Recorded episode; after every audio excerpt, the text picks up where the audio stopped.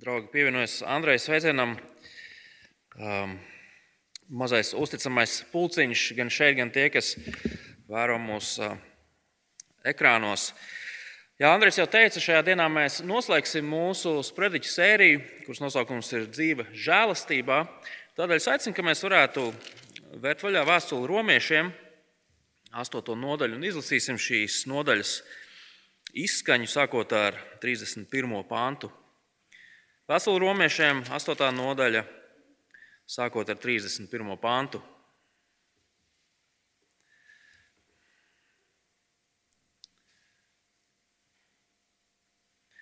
Ko lai mēs par to sakām? Ja Dievs par mums, kas būs pret mums? Kā tad viņš, kas savu pašu dēlu nav audzējis, bet devis viņu par mums visiem, līdz ar viņu nedāvās mums visas lietas? Kas apsūdzēs Dieva izredzētos? Dievs tos attaisno. Kas tos pazudinās? Ir taču Kristus, kas mirs, vēl vairāk, kas augšām cēlies, kas ir pie Dieva labās rokas un kas aizstāv arī mūs. Kas mūs šķirs no Kristus mīlestības? Vai bēdas, vai nelaimes, vai vajāšanas, vai bats, vai kailums, vai briesmas, vai zobens? Tā kā ir rakstīts, Tevis dēļ mēs augu dienu topam nodoti nāvē. Mēs esam pielīdzināti kaujamām avīm. Bet visā tajā mēs par pārējiem esam uzvarētāji, pateicoties Kristum, kas mūs ir mīlējis. Es esmu pārliecināts, ka nec nāve, nec dzīve, nec eņģeļi, nec varas, nec tagadne, nec nākotne, nec spēki, nec augstumi, nec dziļumi, nec kāda cita radīta lieta mūs nespēj šķirt no Dieva mīlestības, kas ir Kristu Jēzu mūsu kungā. Tas ir Dieva vārds. Amen. Pirms pārdomājam šīs dienas raksturvietu, lūgsim, lai Dievs arī mums palīdz savu vārdu saprast. Dabas Tēvs, patiesi mēs šajā pēcpusdienā lūdzam, palīdz mums ieraudzīt to, cik daudz mums Kristus krusta nopelnu dēļ ir dots. Un palīdz, lai šī patiesība stiprina mūsu iekšējo cilvēku, lai tā stiprina mūsu ticību un mūsu kalpošanu Tev. Palīdz arī man runāt skaidri, bet pats galvenais - uzticīgi tam, ko tavs vārds mums māca. Amen. Draugi, kas ir visbriesmīgākā, visbiedējošākā, visšausmīgākā ziņa, ko jūs savā dzīvē esat saņēmuši? Visbriesmīgākā vēsts, ko jūs esat dzirdējuši. Un es šeit runāju par tām ziņām un vēstījumiem, kas, kas mums liek sastingt, kas mums liek apstāties, kas sagrauj visas mūsu cerības, visas mūsu ilgas un sapņus. Iespējams, tagad eksāmena laikā kādi skolēni un studenti ar drabošu pirkstu velk pa to tabulu, kurā ir rakstīta eksāmena rezultāti, un viņi baidās, lai tikai viņu vārdam pretī nebūtu rakstīts nenokārtots. Vai varbūt darbinieks ar bailēm un drebēšanu var vaļā ēpastu no priekšnieka, kas sākas ar vārdiem, ar nožēlu paziņojam, ka kas ir tās desmit tūkstoši lietas, kas izskrien vecākam tās sekundes laikā caur galvu, ieraugot, ka zvana skolas direktors. Un viņa saruna sākās ar vārdiem: Jūs tikai neuztraucieties. Vai visšausmīgākie vārdi, ko mēs varam dzirdēt, ir: Es tevi vairs nemīlu. Cik daudz sirdis nav salauztas dzirdot šos vārdus, cik daudz sapņi nav sabrukuši pareizi. Un, protams, mēs visi vienā vai citā savas dzīves posmā esam dzirdējuši šādus vai līdzīgus vārdus, kas tiešām atstāja nopietnu ietekmi uz mūsu dzīvi. Ilgāku vai, vai īsāku laiku, bet patiesi. Taču, draugi, ir viens teikums, viena ziņa, kura pārspēja visas šīs sliktās ziņas, visas šīs potenciāli šausmīgās ziņas. Ziniet, vis, visbiedējošākā vēsts, ko cilvēks var dzirdēt, ir šī: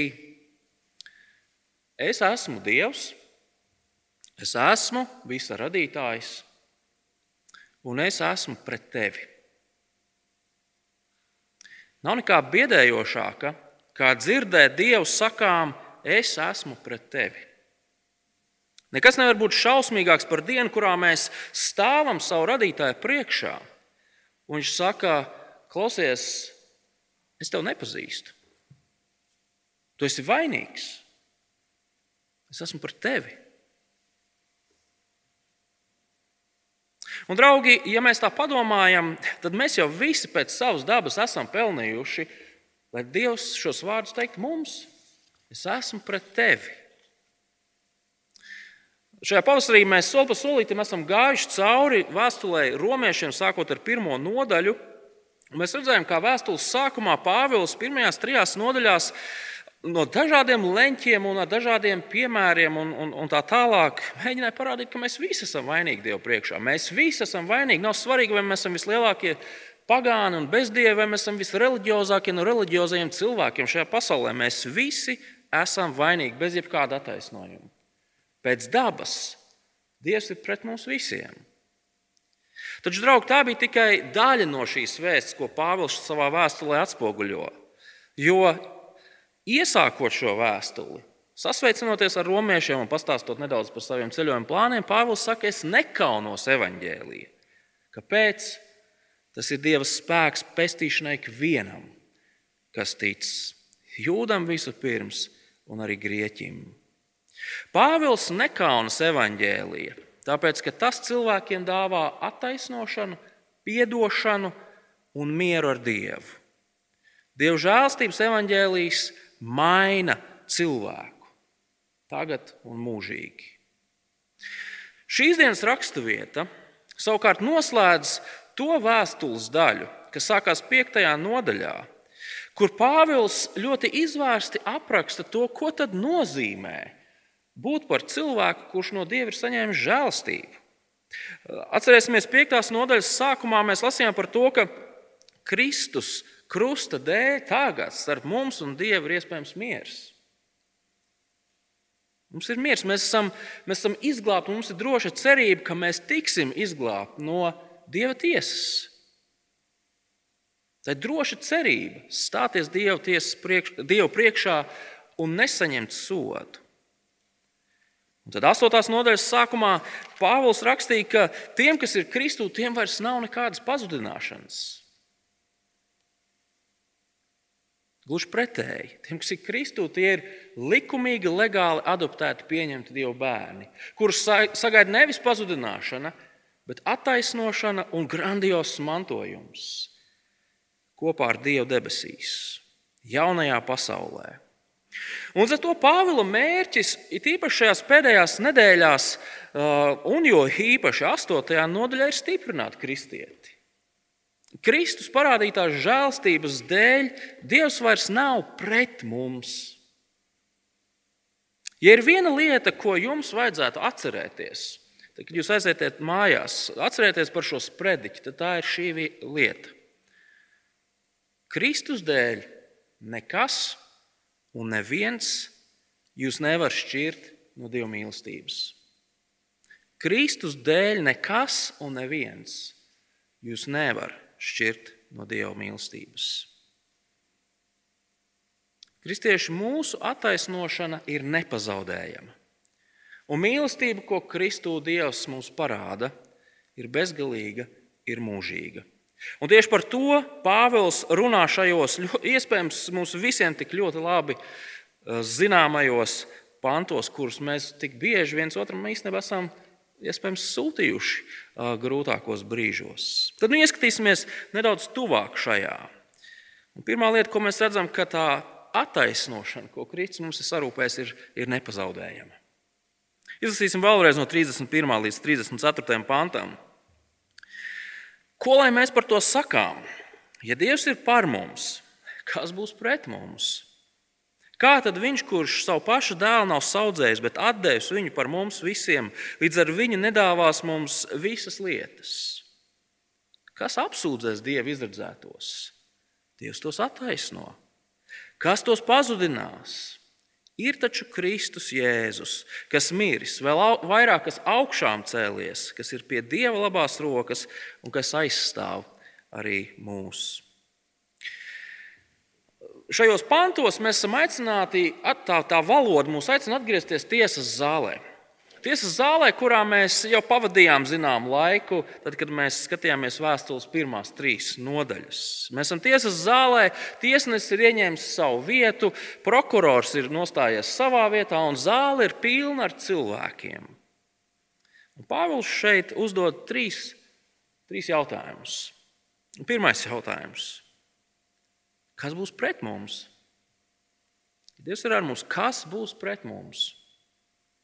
Mums, kā cilvēkiem, reizēm liekas, ka nu, diezgan daudzas lietas ir pret mums. Un reizēm dzīvē ir tā saucamās melnās strīpas, kur mēs sakām, ka nu, tāda sajūta, ka visa pasaule ir nostājusies pret mums. Pilnīgi viss ir sazvērējies pret mums.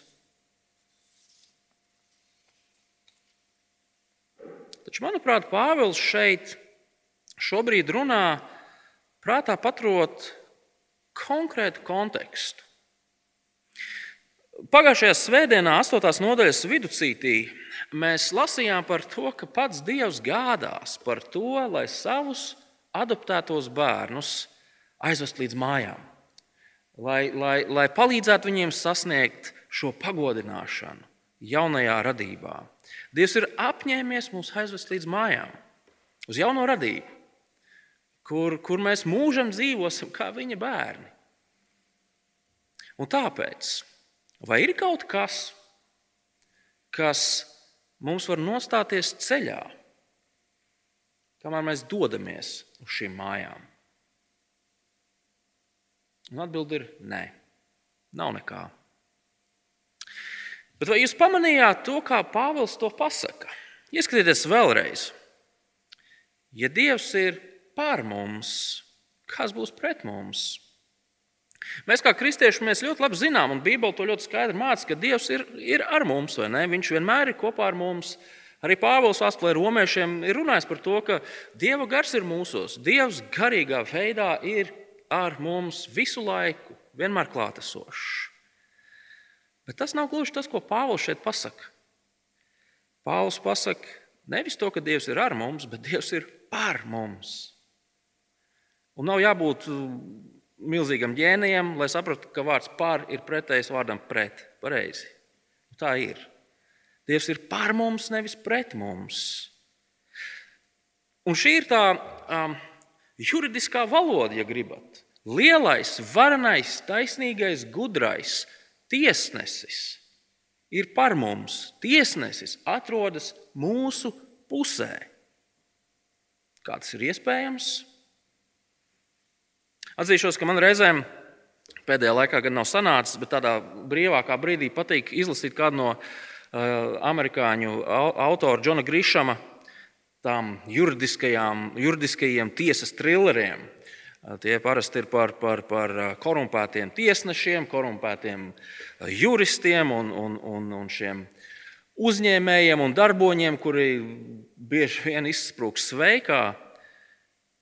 Vai tas ir kaut kas tāds, ko arī mēs šeit redzam?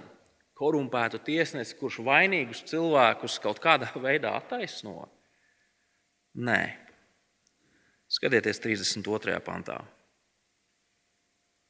Kā tad viņš, kas savu paša dēlu nav audzējis, bet devis viņu par mums visiem, līdz ar viņu nedāvās mums visas lietas? Dievs, taisnīgais tiesnesis, ir par mums, viņš ir mūsu pusē, jo viņa dēla krusts ir samaksājis mūsu parādu. To, kas pēc taisnības pienācās mums, ir nosedzis, dzēsis, likvidējis kāds cits - viņa dēls. Un tagad viņš mums dāvās visas lietas. Un ar vārdiem visas lietas mums nevajag tagad sākt fantazēt, ko tik Dievs mums tagad nedos. Nē, draugi, atcerieties, konteksts ir ļoti svarīgs. Un konteksts joprojām ir tas, ka Dievs nevis izpildīs visas mūsu iegribas un vēlmes, bet gan, ka Viņš mūs aizvedīs līdz galam. Aizvedīs līdz galam, dāvās godības mantojumu, dāvās miesas augšām celšanos, dāvās glābšanu. Šīs ir tās lietas, kas slēpjas zem frāzes visas lietas. Dievs iedos šīs lietas mums, tāpēc, ka Viņš nav audzējis pats savu dēlu. Kas var būt pret mums, ja lielais tiesnesis ir par mums, mūsu pusē? Tad sako nākamais jautājums. Kaut kādā ziņā ļoti līdzīgs. Kas mūs apsūdzēs? Vai ir kāds, kurš var nostāties Dieva priekšā, tiesneša krēsla priekšā un celt pret mums apsūdzību? Vai ir kāds? Draugi, apsūdzēt var tikai tad, ja ir pārkāpums, ja ir pārkāpta noteikumi, ja ir izdarīts grēks. Tieši kura mūsu grēka un pārkāpuma dēļ tagad kāds var nostāties Dievu priekšā un sākt mūs apsūdzēt? Atbilde saskaņā ar Pāvila vārdiem: Neviens mūs nevar vairs apsūdzēt. Nav neviena pārkāpuma, kuru kāds varētu nest Dievu priekšā. Kāpēc? Tāpēc, ka Dievs attaisno. Viņš mūs ir attaisnojis. Vārds attaisno šeit nav kaut kas tāds, ko viņš dara tajā brīdī, kad mēs tiekam apsūdzēti. Nē, tā, tā ir lieta, kas ir izdarīta. Kristus darbs mūs ir attaisnojis. Pašķirsim dažas lapas atpakaļ uz trešo nodaļu. Pāvila vēstulē romiešiem trešā nodaļa. Izlasīsim no 24. līdz 26. pantam. Pāvils raksta, ka Dieva žēlstībā visi tiek attaisnoti bez nopelna, jo viņš tos atpircis Kristu Jēzū. Viņā, ko Dievs licis par izlīgumu viņa asinīs, ko saņemam ticībā, lai Dievs parādītu savu taisnību.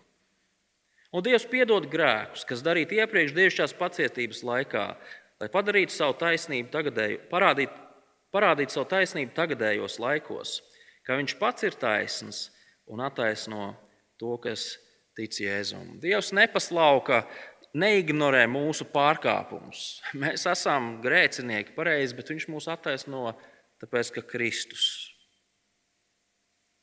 Kristus ir samaksājis. Par visiem mūsu pārkāpumiem ir samaksāts. Un jau tagad mums ir pasludināta attaisnošana. Ir, ir īstenota godīga samaksa. Mēs vairs Dievam neko nesam parādā.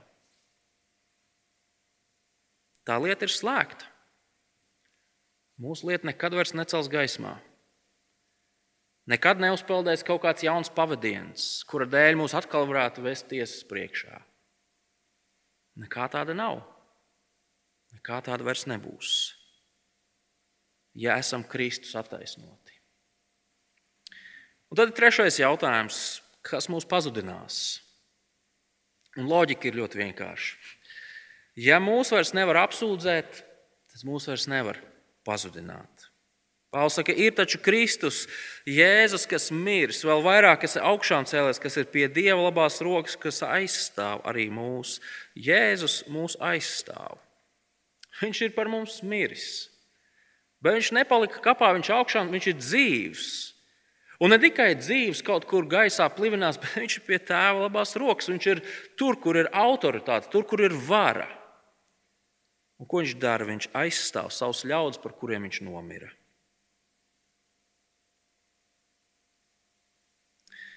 Pāvils šeit uzdod trīs nopietnus jautājumus, kurus var uzdot jebkurā tiesas zālē. Kurš ir pret mums? Kurš mūs apsūdzēs? Kurš mūs pazudinās, proti, nolasīs šo nolādējošo spriedumu? Atbilde ir nekas un neviens. Vienīgais, kuram ir reālas tiesības mūs pazudināt, ir mūsu pusē. Vairs nekādu argumentu, vairs nekādu sarunu. Nekas nevar būt šausmīgāks, kā dzirdēt to, ka Dievs ir pret mums. Kristus darba brīnišķīgais rezultāts ir tas, ka Dievs saviem ļaudīm šos vārdus nekad neteiks.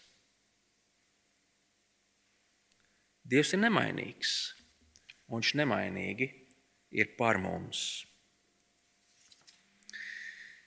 Mūsu spriedums jau tā tad ir pasludināts. Mēs varbūt tā nejūtamies, un, un tas ir saprotams. Pāvils šo, šo pieredzi aprakstīs 7. nodaļā. Mēs bieži vien darām lietas, kuras mēs nesaprotam, kāpēc mēs darām. Mēs bieži vien darām lietas, kuras mēs ļoti labi saprotam, kāpēc mēs darām. Bet neviens mūsu grēks mūs nevar pazudināt, nevar apsūdzēt. Un tādēļ, kad mēs sastapsimies ar savu radītāju, šīs lietas netiks cilātas. Nekas no tā netiks piesaukts. Mēs tagad esam attaisnoti. Mēs esam brīvi. Ziniet, ko, ko jūs par to domājat, kad jūs lasat šos vārdus? Šīs atbildes uz šiem, uz šiem nopietniem jautājumiem. Nekas un neviens mums nevar atņemt Dieva sarūpēto attaisnošanu. Manuprāt, tas mums palīdz pirmkārt pareizi raudzīties uz mūsu vecās, mirstīgās uh, dabas pastrādātajiem grēkiem. Interesanti, es nezinu, varbūt tas ir tikai man, bet parasti tie esam mēs paši, kas cenšas mūs apsūdzēt. Mēs kārtējo reizi krītam kādā grēkā, un, un mēs sev tā kā sakam, nu, paskaties, paskaties, nu, mācītājs. Nu. Paskaties, 20 gadus esi kristietis, un tiešām tev liekas, ka Dievam tas ir pieņemami, un viņš tā kā to tā atstās. Tad liekas, kā viņš uz tevi tagad skatās. Un, protams, draugi, mēs ne brīdi nerunājam, ka mums kā kristiešiem nav jācīnās pret grēku. Dažs nodaļas atpakaļ Pāvils teica, ka mums pret grēku ir jācīnās tā, lai viņš nomirst. Mums viņš ir jāmēdē, mums viņš ir, labi, ne, ne, nedemonstrēsim, kā to var darīt, bet mums viņš ir jānogalē. Mums ir jācīnās. Bet Mūsu grēki un mūsu pārkāpumi mūs vairs nešķir no Dieva. Neviens mūsu grēks un neviens mūsu pārkāpums mūs vairs nevar pazudināt. Neviens. Ja Kristus par mums ir miris, mūsu visrūpīgāk skapī slēptie grēki, kuru nākšana gaismā mums liktu līdz zem zemes, mūs nevar pazudināt. Neviens mūsu ieraduma grēks, ar kuru mēs līdz asinīm un asarām cīnāmies, mūs nevar pazudināt. Neviens pagātnes, tagadnes un nākotnē izdarīts grēks mūs nevarēs pazudināt. Draugi, šie vārdi mums sniedz milzīgu cerību. Milzīgu cerību mums, kas, kas, kas skaidri zina, kādas lietas mēs savā dzīvē esam darījuši. Kas skaidri zina, ar kādām lietām mēs joprojām cīnāmies. Ja gaismā nāktu viss tas, kas šaujas cauri mūsu sirdī un mūsu prātam, ārprāts, šausmu filmu varētu uztaisīt iespējams. Kādos tik veidos mēs reizēm aktīvi vai pasīvi nesaceļamies pret Dievu. Bet šie vārdi no mūsu pleciem noņem to smago akmeņiem piepildīto somu, šo vainu, kuru mēs tik bieži sev stiepjam līdzi. Dievs ir par mums. Viņš nekad Kristus dēļ mums neteiks, es esmu pret tevi. Mūsu attaisnošana nav pazaudējama Kristus krusta nopelna dēļ. Es nekaunos evaņģēlī, jo tas ir Dieva spēks par pestīšanu ikvienam, kas tic. Ikvienam, kas tic.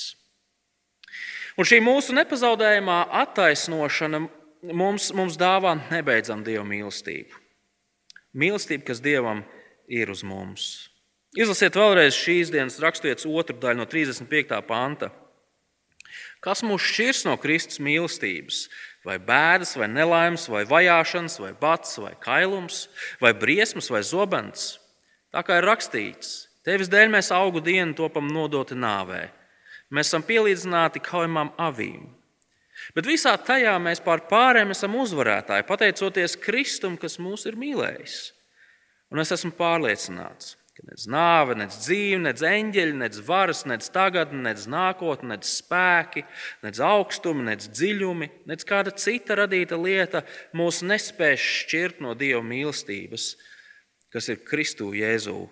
Mūsu kungā. Vai jūs pamanījāt, šie, šie daži pantiņi, viņi sākas ar vārdu mīlestību, beidzas ar vārdu mīlestību, un vēl pa vidu um, ir vārds mīlestība.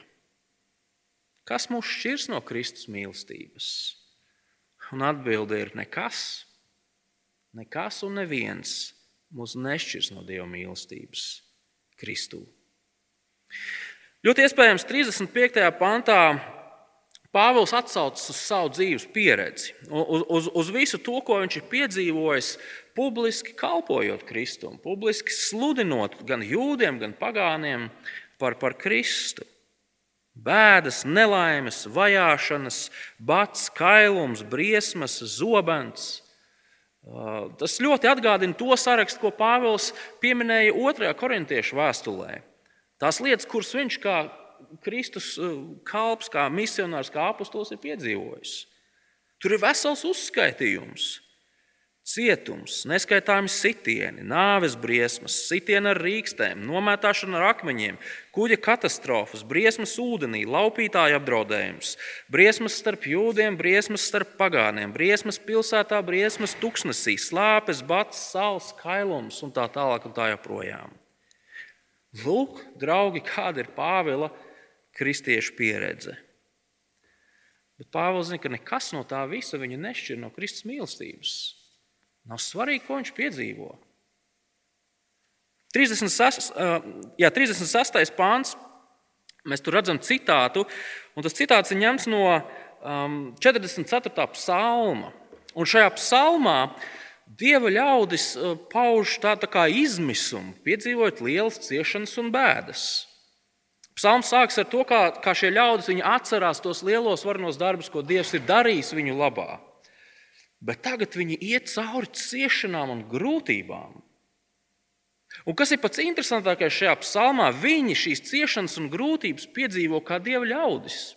Viņi apzinās, ka viņi ir dieva ļaudis, nevis kaut kādi bezdievi, grēcinieki un tā tālāk. Un vēl vairāk viņi apzinās, ka visas šīs lietas Dievs pārauga. Šis psalms, šis mazais citātiņš, viņš atbalso to, ko Pāvils teica pats par savu pieredzi. Kristietis var saskarties ar patiesiem izaicinājumiem, grūtībām savā dzīvē. Viņš no tā nav pasargāts. Reizēm mums, kā kristiešiem, liekas, ka nu, nu, kā tad var savienot dievu mīlestību ar ciešanām, grūtībām, neizskaidrojumiem pārbaudījumiem, nu, tās lietas, kuras Pāvils piedzīvoja. Kā to savienot ar Dieva mīlestību? Un šādas lietas piedzīvojot, mums reizēm liekas, nu, vai nu no ar mums nav kaut kas kārtībā, vai tā mēs tā klusiņām piesardzīgi, bet varbūt tas ar Dievu nav kaut kas lāgā. Interesanti, bet Pāvils mācās gluži pretējo. Visas šīs lietas ir realitāte, kas raksturo kristiešu dzīvi. Vienā vai citā veidā, vienā vai citā intensitātē. Skaidrs, ka mēs 21. gadsimtā dzīvojot šeit, mūsu uh, jaukajā pilsētiņā, nu, bats, augstums, daudz no šīm lietām mūs neskar. Mums ir cita veida grūtības un izaicinājumi. Taču vai, mūs, vai jūs pamanījāt to, ka Pāvils saka, ka šīs lietas īstenībā kādā nesaprotamā veidā kalpo mums? Skatieties, 37. pantā. Bet visā tajā mēs pār pārējiem esam uzvarētāji, pateicoties Kristum, kas mūs ir mīlējis. Grieķu valodā vārds pār pārējiem to var tulkot arī kā super. Mēs esam, mēs esam super uzvarētāji. Mēs esam vispārākie uzvarētāji. Mēs ne tikai uzvarēsim, bet vēl vairāk būs. Es nu, pat nevaru saprast, tas nezinu, ir kaut kas vēl vērtīgāks par zelta medaļu. Nu, neko jau vairāk nedod pareizi. Bet Pāvils saka, jūs esat super uzvarētāji visās šajās lietās, Kristus mīlestības dēļ. Kaut kādā veidā visa šī mūsu kristīgās dzīves šķietami nesaprotamā negatīvā pieredze mūs dzen uz priekšu un liecina par to, ka mēs esam uzvarētāji. Un nekas nevar mainīt mūsu galamērķi. Es nezinu, kurš, kurš to teica, bet kāds mācītājs vai Bībeles komentētājs par šiem pantiem teica, ka nu kas var būt sliktākais, kas ar, ar, ar kristieti var notikt? Sliktākais droši vien šajā zemes dzīvē ir tas, ka mēs varam nomirt. Bet, ja tā padomā, vai tas ir slikti? Mēs esam daudz ātrāk nonākuši tur, kur mēs ejam. Protams, mēs nu, tā, uh, gribam arī dzīvot, es esmu pateicīgi par dzīvi, bet, ja tā padomā pareizi, kas ar mums var sliktākais notikt? Nomirt? Nu, tad jau mēs uzreiz nonākam tur, kur mums ir jānonāk. Un tādēļ Pāvila, Pāvila pārliecība ir nesatricināma. 38. un 39. pāns. Un es esmu pārliecināts, ka ne nāve, ne dzīve, ne eņģeļi, ne varas, ne tagad, ne nākotnē, ne spēki, ne augstumi, ne dziļumi, ne kāda cita radīta lieta mūs nespēs šķirt no Dieva mīlestības, kas, Kristu Jēzu, kas ir Kristu Jēzu mūsu kungā. Jūs pamanījāt, ka visas šeit uzskaitītās lietas, viņas vieno viena lieta. Visas šīs lietas ir radītas lietas. Visas šīs lietas ir radītas lietas. Šajā kategorijā ietilps pilnīgi viss. Viss redzamais, neredzamais, izņemot dievu. Tie ir, manuprāt, tie ir iespaidīgi vārdi, ko Pāvils pasaka. Nav nekas šajā radībā, kas mūs var šķirt no dieva mīlestības Kristū. Mūsu grēki nevar šķirt no dieva mīlestības. Kaut kādi politiski spēki un ideoloģijas nevar šķirt no dieva mīlestības. Kari, raķetes, tanki nevar šķirt no dieva mīlestības. Kaut kādas garīgas, neredzamas būtnes un spēki, par kuriem mums ir visnotaļ maza izpratnes, nevar šķirt no dieva mīlestības. Mūsu slimības, mūsu mirstīgums, mūsu nīcīgums, mūsu nespēja, mūsu neziņa, mūsu šaubas nevar šķirt no dieva mīlestības. Sātana viltības, viņa apsūdzības, viņa klusā balstiņa, kas mums kaut ko čukst, nevar šķirt no dieva mīlestības. Man tagad eh, grūti atcerēties, vai es to redzēju, vai, vai mums pašiem mājās bija, vai tas bija vecākiem, bet uh, padomju encyklopēdijas sējumi. Man kādreiz patika lietainās dienās, kā šī, nu, šobrīd nelīst, vienkārši nejauši atšķirt un kaut ko palasīt tur, kas ir tas un tas. Un, un mēs varētu paņemt visus šos sējumus. Es nezinu, cik viņi tur bija, bet nu, tādu normālu lasām vielu ziemas vakariem. Un mēs varam atvērt jebkuru saikli, šķirkli tajā, tajā uh, encyklopēdijā un pateikt, tas mūs nevar šķirt no Dieva mīlestības. Neviena no tur minētajām lietām, personām, notikumiem, um, procesiem mūs nevar šķirt no Dieva mīlestības. Brāļi un māsas, Kristus krusta sarūpētā attaisnošana ir nepazaudējama. Kristus krustā parādītā Dieva mīlestība uz mums ir nebeidzama. To neatceļ mūsu šīs zemes, šīs dzīves pieredze. Dievs ir pār mums, ar mums, šodien, rīt, parīt, 43. gadā, mūžīgi, kas par milzīgu drošību, kas par milzīgu drošību mums ir dota Kristū. Tādēļ, ko lai mēs par to visu sakām? Kā Pāvils sāka šīs dienas raksturvietu. Šo pantu mērķis ir, ir dāvāt kristietim reālu prieku. Nevis tādu gaistošu emociju, bet tādu dziļu prieku iedrošinājumu, drosmi. Nav svarīgi, ko cilvēki par mums saka. Nav svarīgi, ko cilvēki mums dara. Nav svarīgi, ko mēs paši sev reizēm sakām, ko mēs paši par sevi domājam. Nav svarīgi, ko sātans čuks, nav svarīgi, ko mēs piedzīvojam. Mēs esam pilnīgā drošībā.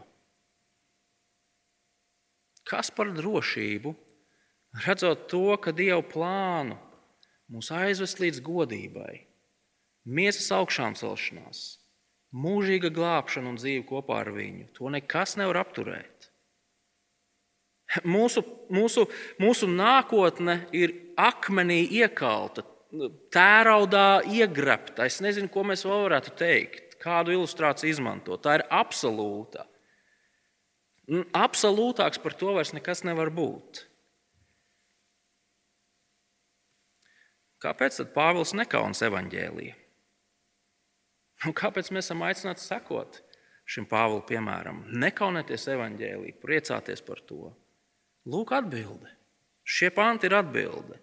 Tāpēc, ka evaņģēlīs ir par to, kā cilvēki, kuri līdz sirds dziļumiem ir ienīduši Dievu un ir pelnījuši taisnīgu sodu, kļūst par Dieva mīļajiem bērniem, kuri kādu dienu iemantos godību.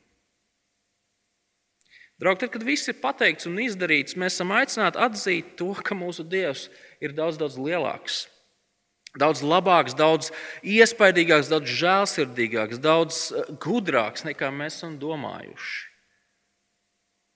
Šajā, šajos pantos aprakstītā realitāte mūs visus aicina vēl vairāk tverties un turēties pie šī dieva. Vēl vairāk viņam kalpot. Šie panti mums māca, ka mēs viņam varam uzticēties, tad, kad mēs nezinām, kā iet uz priekšu Tad, kad mēs saskaramies ar reālām grūtībām, mēs viņam varam uzticēties jebkuros apstākļos. Viņš mūs nepievils. Viņš aizvedīs līdz galam. Taču ir vēl viena lieta, un ar to es beigšu. Tas, ko mēs uzzinām par Dievu un viņa neapturamo plānu un darbu mūsu dzīvē, mūs mudina par to stāstīt arī citiem. Atcerieties, nav nekā briesmīgāka kā dzirdēt vārdus, kurus Dievs saka mums, es esmu pret tevi.